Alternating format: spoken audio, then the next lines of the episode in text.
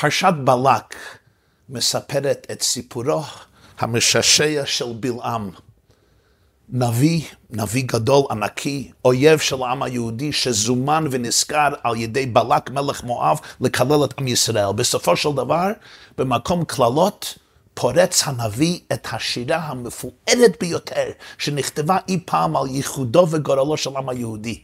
שירתו והפסוקים והנבואה שאמר בלעם באותה הזדמנות הפכו למשהו קלאסי, מעיין של השראה, של חיזוק, של התעוררות, של השקפה במשך אלפי שנים. איזה פסוקים נאמרו שם על עמיד, וזה מעניין, כי מי שקורא ספר במדבר עד לפרשת בלק, פרשת בעלותך, שלח, קורח, חוקת, איזה רושם אתה מקבל על עם היהודי, עם בעייתי, מלא בעיות, אתגרים, כל יום שני וחמישי עושים עוד מהפכה או מתקפה נגד ההנהגה, לא יכולים להתנהל על מי מנוחות. זה מזכיר ארץ ישראל היום, כן? כל כמה שבועות חדשים, עוד ממשלה, זה, מה קורה? כן, בפרשת בעלותך יש אה, קברות התאווה, מתאוננים, זכרנו את הדגה שנאכל במצרים, סיפור הסלב, אחר כך יש סיפור המרגלים, סיפור מקושש עצים, אחר כך המהפכה של קורח ודתן ואבירם נגד משה ואהרון, אחר כך היהודים מתלוננים, אתם עמיתם את עם השם. בפרשת חוקת יש המתקפה שוב על שאין מים ויש סיפור הנחשים. המסקנה היא, וואו, עם בעייתי מאוד. משה רבנו עצמו אומר, אני לא יכול. אני לא יכול, הרגני נהרוג. פתאום מגיע פרשת בלק. והאויב הזה, הבילום הזה, שממנו מצפים לדברים הכי שלילים על העם היהודי, וואו, וואו, וואו. איזה נבואת מתוקות, נהדרות, נשגבות. מלאות אצילות והוד על עם היהודי. מראש צורים אראנו ומגבעות אשורנו.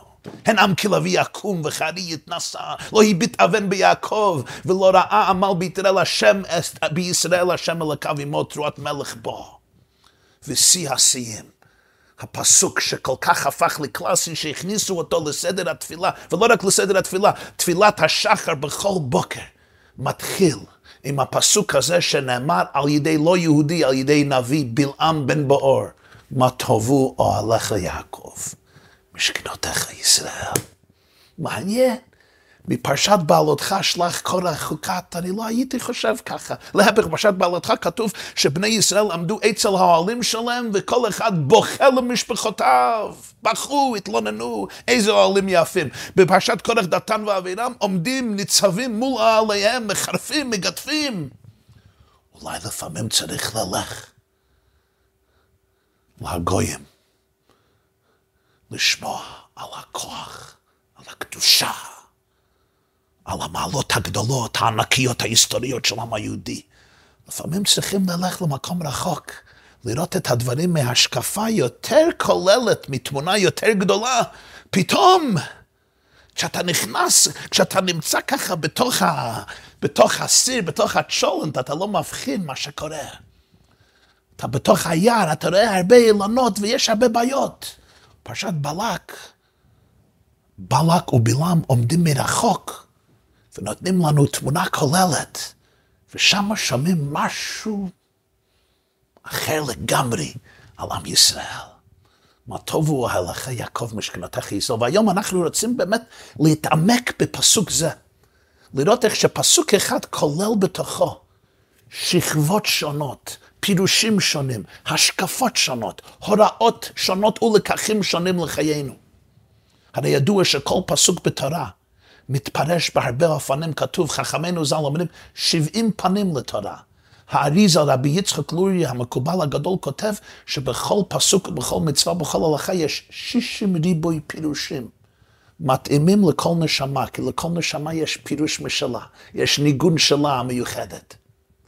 פה ניקח פסוק אחד וננתח את זה לפי רמות שונות, מדרגות שונות, לפי דרך הפשט, הרמז, הדרוש והסוד, פרדס. פרדס, זה ראשי תיבות, פשט, רמז, דרוש, סוד. כמובן, הפשטן הגדול הוא רש"י, רבינו שלמה יצחקי. רש"י רוצה לדעת ממה התרשם בלעם כל כך כשהוא ראה את האוהלים של משפחות עם ישראל, שהוא אומר, הוא מתפרץ, מה טובו עליך יעקב? מה הוא ראה?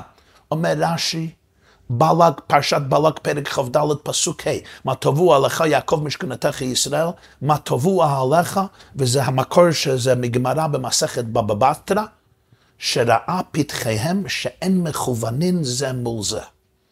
בלעם התרשם מאוד מהצניעות, צניעות הפרט, הכרה שיש מגבלות, יש boundary, יש גבולים, יש חיים שלי ויש חיים שלך, יש הבית שלי ויש הבית שלך.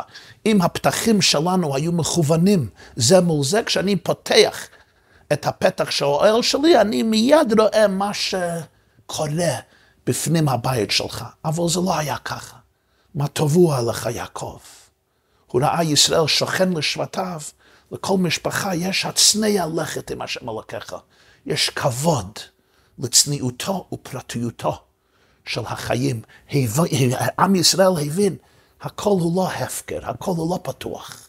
יש משהו שנקרא פרטי, יש משהו שנקרא סודי, אינטימי. זה לא בגלל שאנחנו מתביישים. זה חלק מהחיים. כשהכול פתוח, כשאין צניעות, גוזלים את הנשמה, את הפנימיות, מדברים מסוימים, שהם מתברכים, איך הגמרא אומרת בבבא מציע, אין הברכה שורה אלא בדבר הסמוי מן העין. לפעמים כשמשהו פרטי, צנוע, זה לא כי מתביישים, כי יש שקרים שצריכים לחפות, לכסות להפך. כי יש פה כבוד. זה משהו שלא, שלא מפגינים בראש כל חוצות. יש דברים שמפגינים בראש כל חוצות, ויש דברים שנמצאים בתוך מקום אינטימי.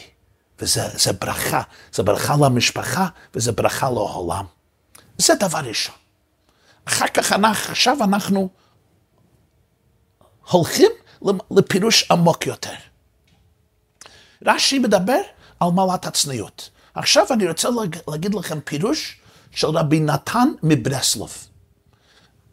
הרבה שמעתם על רבי נחמן מברסלב. רבי נחמן מברסלב היה נין של האבל שם טוב. כמפורסם, הוא, הוא, הוא גר בברסלב, באוקראינה, ונקבר באומן, בעיירה אומן. ולא היה תלמיד מובהק שרשם הרבה מדברי תורתו.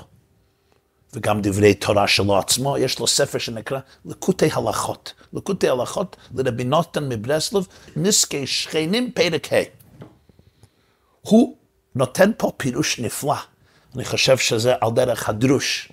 למה טובו אליך יעקב משכנסך ישראל. הוא מביא את הגמרא במסכת בבא בסטרא, שרש"י מצטט גם. המשנה אומרת במסכת בבא בסטרא, פרק ג' לא יפתח אדם לחצר השותפין פתח כנגד פסח וחלון כנגד חלון. ורבי יוחנן מסביר את הדברים, איך אנחנו יודעים? למה אני לא יכול לפתוח פתח נגד פתח או חלון נגד חלון? אומר רבי יוחנן, דאמר קרא, כתוב בפרלג, ויישא בלעם את עיניו, ויד את ישראל שוכן לשבטיו, מה הוא ראה? שאין פתחי עליהם מכוונים זה לזה. הוא אמר, ראויים שתשרה עליהם שכינה. מסביר רב נתן מברסלב שיש בה גם פירוש עמוק יותר. ואני אצטט את הדברים, ואנחנו גם נעלה את זה על המסך, מליקוטי הלכות, ואני מצטט. על כן אסור לעשות חלון נגד חלון, כי החלון, שהוא בחינת האמת של כל אחד מישראל, הוא משונה הרבה מהחלון והאמת של חברו. כי כל אחד מישראל כפי שורשו משבטו, משם נוסח וסדר תפילתו, וכפי מעשיו כן האמת שלו, ומזה נמשכים ריבוי השינויים שבין אדם לחברו. אפילו הכשרים והישרים, זה מתפלל בארוחה וזה במהירות, זה מתפלל בקול רם וזה מתפלל בקול נמוך. על כן, אסור לאדם להסתכל בחברו לרעה, אף על פי שנדמה לו לפי האמת שלו, שחברו אינו מתנהג באמת ואינו מתפלל באמת, אבל מי יודע האמת של חברו? פירוש הדברים הוא ככה, אין פתחיהם מכוונים זה כנגד זה, והחלונות לא מכוונים זה נגד זה. פירוש, הפתח שמשם אני פותח את הפתח שלי להשכינה, לאמת, לשמיים. פיתחו לי שערי צדק, זה השער להשם צדיקים יבוא יבוא. החלון זה הכיוון שעל ידי זה אני רואה, השקפה שלי. החלון זה הפתח שלי לשמיים, לעולם הגדול. אם אין חלונות, אני סגור בתוך הבועה שלי. החלון מעניקה לי היכולת לראות, להבין, לבחון, לגדול, לראות דברים שמעלמל ממנו. אני עכשיו מסתכל דרך החלון, אני רואה את, את האילונות, את הצמחים, את העשבים, כמה בהמות שמסתובבות פה. את השמיים אני רואה, יש, אתה רואה את, את האופקים, איך אומר הנביא ישעיה, שאו מרום עיניכם וראו ברא אלה. אז חלון מסמל היכולת לראות מחוץ ממני וממעל ממני, וזה גם מסמל את ההשקפה שלי, את היריעה שלי. אל תחשוב שהחלון של השני צריך להיות מכוון נגד החלון שלך, שצריך להיות ממש מותאם. אתה לא צריך לחשוב ולצפות שהפתח של חברך צריך להיות ממש מכוון לפתח שלך. זה גם בזוגיות.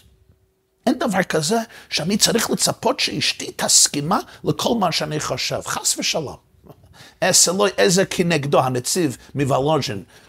רב נפתלי צבי יהודה ברלין, ראש ישיבת ורב וולוז'ין, מפרש, לפעמים העזר הכי גדול בחיים זה כנגדו, כשמישהו לא מסכים איתך. נראה עוד מעט פירוש המגד במזריץ' פה. אין החלונות מכוונים זה נגד זה. פירוש הדברים, יש לכל אחד, ודאי שיש דברים שמאחדים את כולנו, אבל לכל אחד יש הנשמה שלו, הנשמה שלה. יש החלון שלי, יש הפתח שלי, יש הדרך שלי. ואני לא צריך לדון אותך בשיפוטיות ובנגטיביות. איך הוא אומר? יש יהודים שמספלל בצורה כזו, ויש יהודים שמתפלל בצורה אחרת. אין שתי דרכים זהים לגמרי, זה לא צריך להיות ככה. כי באמת יש לי הפתח שלי ויש לך החלון שלך, ולכן אל יסתכל לחברו ברעה. זה ראה בלעם וזה האשים אותו מאוד. מה טבו אוהלך יעקב משכנותיך ישראל. ועל כן אסור לעשות נגד חלון נגד חלון. ולכן ראוי שתשרה עליהם שכינה. כי לקדוש ברוך הוא אין צבע אחד, אין נוסח אחד, אין מנגינה אחת, אין ניגון אחד. השכינה היא אינסופית, ולכן היא מתפשטת ומתבטאת בהמון מדרגות ודברים שונים. יש שיחה מאדמו"ר השישי לבית חב"ד, אדמו"ר הרייץ, שחג הגאולה שלו וגם יום הולדת שלו הוא בי"ב תמות. הרבי יוסף יצחק שניירסון, יש לו שיחה י"ג תמוז תרצ"א. אז הוא אומר, אני לא מבין, הוא אומר, הבלעם הרי דיבר על כלל ישראל, לא רק על יחידים, אז הוא היה צריך להגיד, מה טוב אוהל יעקב, מה טוב משכן ישראל.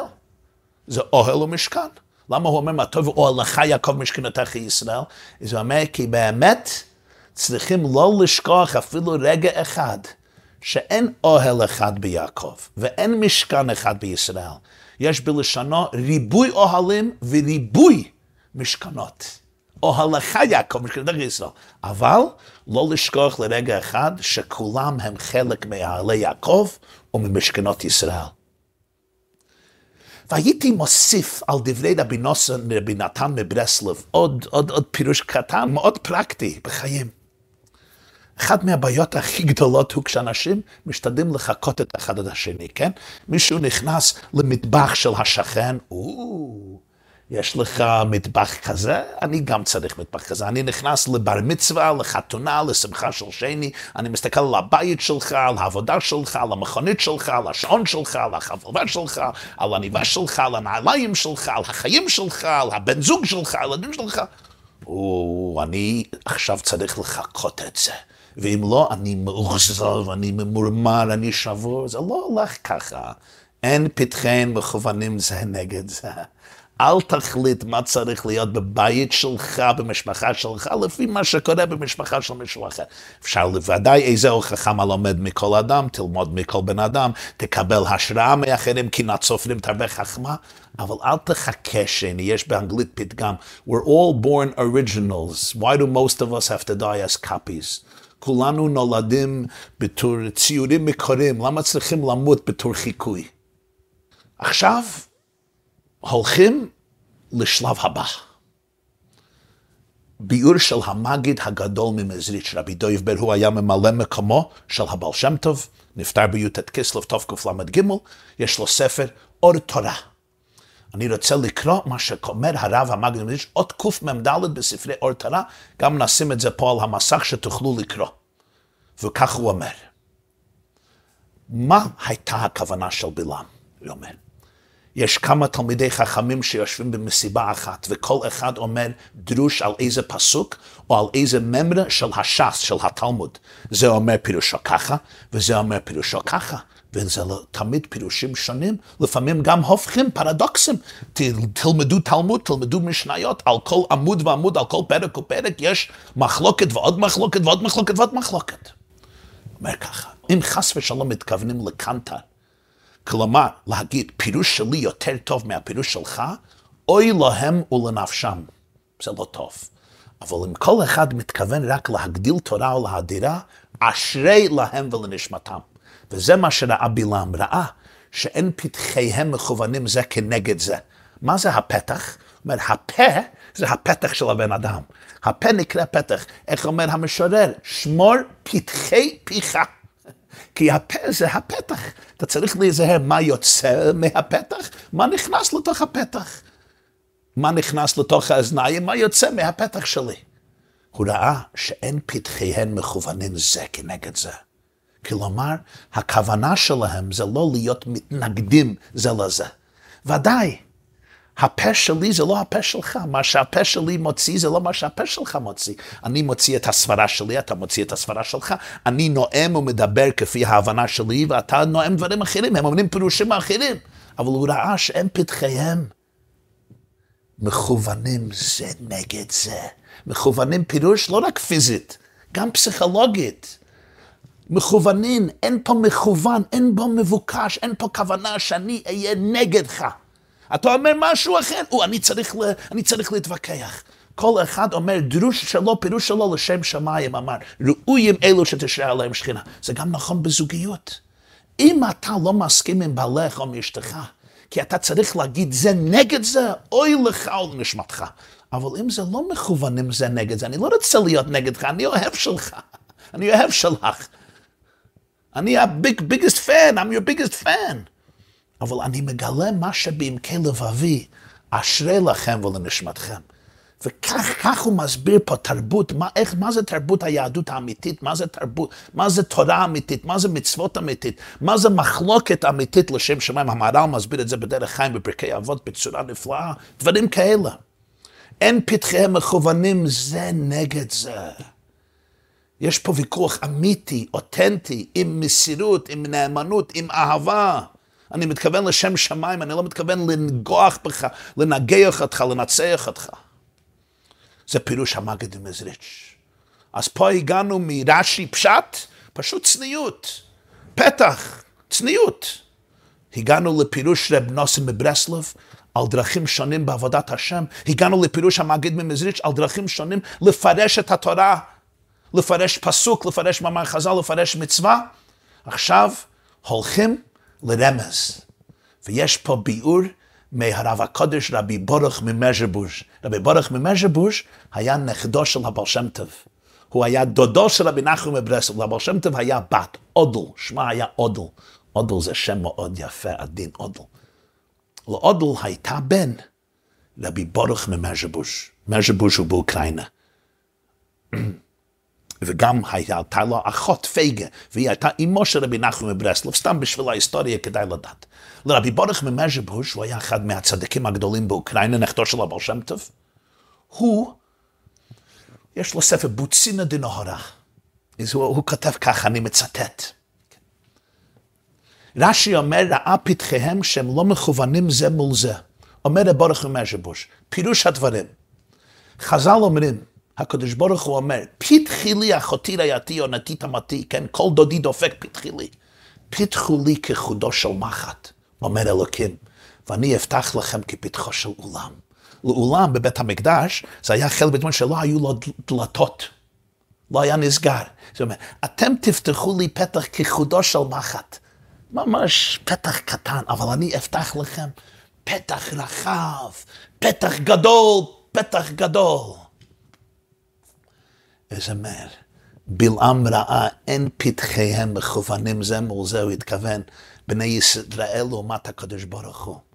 הפתח של עם ישראל והפתח של הקדוש ברוך הם לא מכוונים, הם לא מכוונים. הקדוש ברוך הוא אומר, פיתחו לי כחודו של מחט, אני לא צריך שתפתחו לי פתח גדולה, ענקית, כדי שאני אפתח לכם כפתחו של עולם. לא, לא.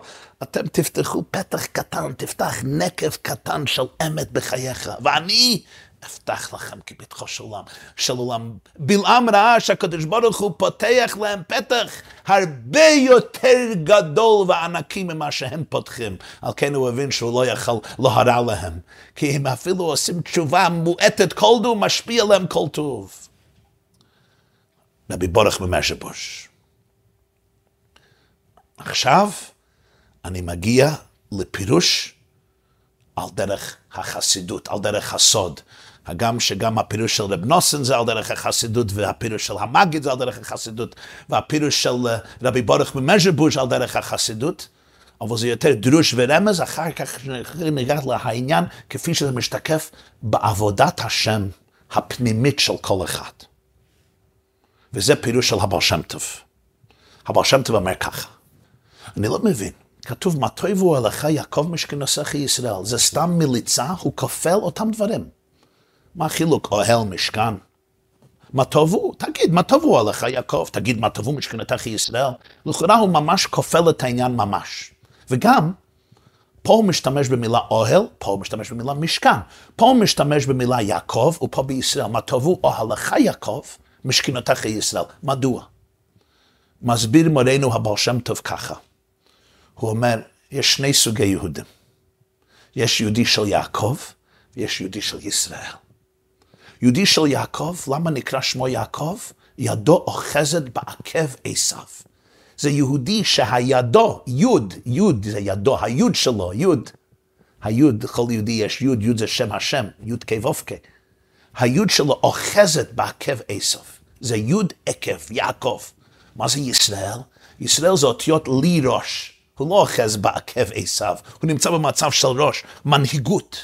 ישראל זה גם, הפסוק אומר בפרשת וישלח, כי שריתה עם אלוקים ועם אנשים ותוכל. לכן קרא המלאך ליעקב ישראל, כי שריתה, מלשון שריתה, מלשון רש"י, מלשון שר. הוא נעשה שר, הוא התגבר, הוא נלחם נגד אלוקים ואנשים וניצח אותם, הוא התגבר עליהם. זה ישראל, זה מצב אחר. אומר הבעל שם טוב ככה, יש שני סוגי יהודים, יש יעקב ויש ישראל. יש יהודי אחד שהוא בונה אוהל לקדוש ברוך הוא, ויש יהודי שבונה משכן לקדוש ברוך הוא. אוהל בכלל, בהלכה, זה דבר ארעי, דבר זמני, כמו כשהולכים uh, בחוץ לעשות כיף, כן, אז בונים ככה אוהל, טנט, זה דבר ארעי, בדרך כלל. משכן, כמובן יכול להיות אוהל כבר, אבל בדרך כלל כשאומרים אוהל, זה דבר יותר זמני, דבר יותר לשעה, לא נצחי. כשאומרים משכן, ודאי משכן גם יכול להיות משכן ארעי, אבל בדרך כלל הלשון משכן זה מלשון שכינה, אני שוכן שם, ושכנתי בתוכם, ועשו לי מקדש ושכנתי בתוכם. גמרא בשבועות אומר משכן יקרי מקדש, מקדש יקרי משכן. משכן זה מקום שאני שם שוכן, זה המקום הקבוע שלי. אומר, יש יהודי שהוא בבחינת ישראל. כלומר, יהודי שנמצא במדרגה רוחנית הרבה יותר נעלית, ולכן הוא בונה בשביל הקדוש ברוך הוא משכן בחייו, בליבו, בביתו. בבית שלו בלב שלו רואים את הנוכחות האלוקית, את הנוכחות של אין עוד מלבדו. זה יהודי של ישראל, כי שריתה עם אלוקים ועם אנשים ותוכל. לי ראש, הוא נמצא במצב רוחני נעלה. הוא מנהיג על עצמו. הרמב"ם כותב בהלכות יסודי התורה פרק ז', על נביא, התנאים להיות נביא, שאין יצרו מתגבר עליו בכל עניין בעולם. הוא מתגבר על יצרו בכל עניין בעולם. הוא בונה משכן, הקדוש ברוך הוא נמצא בתוכיותו, או בתוכיותה, ובנוכחותו, ובנוכחותה. תמיד, איך אומר בעל התניא בפרק מ"א, יש ניגון יפה, והנה השם ניצב עליו, ומלוך על הארץ כבודו, ומביט עליו, ובכן כליות ולב עם עובדו קראיו. פירוש הדברים יהודי שבאמת מרגיש וחווה, הנה אלוקים ניצב עליו, איך אומר רבי עקיבא בפרקי אבות, בפרק ג', הכל צפוי, והרשות נתונה. באמת יש בחירה, אבל הכל צפוי. מלוך על הארץ כבודו, לט אתר פנוי מיני, כתוב בזוהר. אין מקום שפנוי ממנו, לכן הוא התגלה במשה מהסנה. להגיד שאין פנוי, אין מקום פנוי משכינה, אפילו הסנה. שזה אה, עשב של אילן של קוצים ודרדרים, קוץ ודרדר את עצמך, גם שמה. זה מצב של ישראל. אבל יש יהודי אחר, הוא גם בונה לקדוש ברוך הוא מקום, אבל זה אוהל. אוהל זה אוהל ארעי. כלומר, הדברים משתנים אצלו. הוא לא יכול להגיד שהלב שלי תמיד נמצא במצב של השראה. תמיד אני משוחרר מהפחדים שלי, מהאגו שלי, מהאתגרים והתסבוכים והספקות שלי. אין בי תאוות רעות, אני לא סובל מהתמכרות, אני לא סובל מדיכאון. הלב שלי, הנשמה שלי, המוח שלי, לגמרי משכן לשכינתו של הקדוש ברוך הוא. זה לא ככה. אבל הוא אומר, אבל היהודי הזה, בכל יום ויום, הוא בונה אוהל בשביל אלוקים. הוא בונה מקום בליבו, במוחו, ששם הוא רוצה שתשרה שכינה. יש לו השתוקקות. ודאי, יש רגעים אחרים שיש מריבות, יש מלחמות, יש עליות וירידות. אבל שם טוב דוגמה.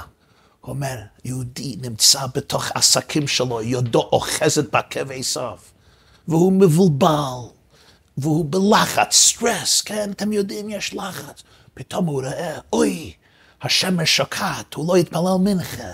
ועכשיו אתה אומר, הוא רץ לבית הכנסת, הוא אומר, מנחה, מנחה, מנחה. זה לא, יש יהודי יושב אוהל, יושב לומד תורה ביום ובלילה, כל היום הוא משתשע עם קודשא בריחו. גוואלדיק, מוידדיק, זה ישראל. אבל יש יהודי, הוא ביעקב, יוד עקב, לא ישראל, לא לידוש. אבל הוא נכנס לבית כנסת, אוי מנחה, אוי מנחה. הוא בנה אוהל. רגע, הוא, הוא יצא מהחושך, הוא בנה אוהל לקדוש ברוך הוא. אומר הבעל שם טוב, אפשר לחשוב שזה לא חשוב כל כך. אומר בילום, וזה נעשה נבואה בתורה, וכך מתחילים את התפילה בכל בוקר. מה טויבו אוהל לך האלך יעקב מקדימים למשכנתך ישראל. אפילו לפני משכנתך ישראל משבחים כמה טוב, כמה נעים, כמה יפה, כמה נשגב, כמה גדול. מה טויבו, אוי עליך יעקב. את האוהל שיעקב בונה, ואחר כך משבחים את המשכנתך ישראל. ולמה זה? ולמה זה? כי סוף סוף תכלית הבריאה לא הייתה לברוח לשמיים. תכלית הבריאה הייתה להפוך את הארץ לשמיים, לגלות את האור במקומו של החושך, להבין שאולי בלב שלי יש תסבוכים, ואולי אני סובל מטראומות, ואולי יש בי דברים שאני צריך ודאי לעבד עליהם, אבל אל תתייאש, חס ושלום. כשאתה בונה אוהל, הגם שבעוד שעה אולי ייכנסו מחשבות שונות בך ותצטרך לבנות אוהל שוב, כי האוהל הראשון לכאורה נחרב. אבל היהודי הזה שיודע שעכשיו אני יכול לבנות אוהל לאמת, אוהל השכינה, אוהל הקדוש ברוך הוא, אוהל האמת הפנימית של הנשמה שלי, שהיא חלק הלקה ממעל, מה טוב הוא אליך יעקב. מה טוב הוא אליך יעקב. יש מאמר של בעל התניא, אדמון הזקן. הוא כותב משהו מאוד מאוד, מאוד מאוד גדול. זה, יש ספר שלו, את, את הלך לוזניה, את הלך לוזניה. אומר ככה, למה זה שאם מישהו נותן לך אוכל במדבר, אתה במדבר, אין לך חלילה שום אוכל ושום משקה, ומישהו מביא לך אוכל, אפילו אם האוכל הזה ממש לא טעים, איי, אתה... תהנה כל כך מהאוכל. אם מותר לי לתן אולי משל אה, עכשווי, שזה לא היה שייך בזמנו של בלתניה. אם מישהו נמצא בטיסה ארוכה, כן, מארצות הברית לישראל, או מארצות הברית לאוסטרליה, כפי שהייתי, עשיתי הרבה פעמים, ו... ולא הבאתי אוכל, כן, ואני רעב, רעב. ואלה שעובדים במטוס מביאים לי אוכל, אני פותח את האוכל, תסלחו לי, בבית אוכל כזה אולי הוא לא היה אוכל, או אולי לא הייתי אוכל, אבל במטוס פתאום זה נעשה טעים. למה? למה? העניין הוא כי אתה פגיע מאוד, כי אין פה אוכל. אין פה מקרר, אין פה pantry, אין פה ארון אוכל, אין פה חנות מכולת מחוץ, אה, בצד אחר של הכביש, אני יכול להביא אוכל. אני נמצא במטוס, 30,000 פיט מעל ים, מעל, מעל ים התיכון, או אטלנטיק אושן, ים האוקיינוס. אני מאוד פגיע, אז כל אוכל שאתה אוכל לי, וואו, איזה טעם יש בו. הרבה יותר מטעם, מי שלא אכל כמה ימים, אתה מביא לו אוכל לקוי, לא, לא יפה, לא טעים, לא נחמד, ודאי לא פנסי, אבל יש בזה טעם לא נורמלי. מסביר בלתניה ככה, בשמיים יש מלאכים בלי גבול שצועקים קדוש, קדוש, קדוש, קדוש, אוכל הכי טעים ונחמד, אבל פה בעולם הזה יש כל כך הרבה אתגרים, שכשיהודי מביא קצת אוכל, לחמי לישי, אוכל הקדוש ברוך אפילו אם האוכל זה לא האוכל הכי יפה והכי נחמד, זה אוכל שמעורב בו אולי הרבה פסולת, אבל הקדוש ברוך הוא אומר, האוכל הזה הוא הכי הכי טעים שיש. אין אוכל כזה, לא תמצא אוכל כזה. מה טויבו, אוי הלך יעקב. לסיכום אני רוצה לבקש מכולכם, אני, הארגון שלי עושה בשבוע הזה אסיפת כספים, גיוס כספים, כדי שנוכל להמשיך את העבודה הקדושה, לרומם את עם ישראל, לאחד את עם ישראל בשיעורים ובדרכים השונות. אז אני מבקש, כל, כל מי שיוכל, בבקשה, אם אתם יכולים לתרום, פה בהלינק הזה שאתם רואים במסך, ואני אגיד, ואני אגיד גם, לכם גם מה הלינק, זה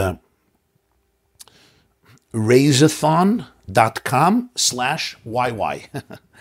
R-A-I-S-E-T-H-O-N, raisathon, נקודה, com, C-O-M, סלאש, סלאש, אתם יודעים מה זה סלאש, ככה שורה כזו באלכסון, YY, זה השם שלי הוא יוסף יצחק, ושם תראו את הקמפיין לגיוס כספים, ושם יש כל הפרטים. אני מבקש מכם בכל לשון של בקשה לתרום, כדי שנוכל לא רק להמשיך, אלא לך מחייל אל חייל למעלות הארץ. דעת השם כמים ליום מכסים, עם אהבת השם, אהבת התורה ואהבת ישראל. תודה רבה. שלום.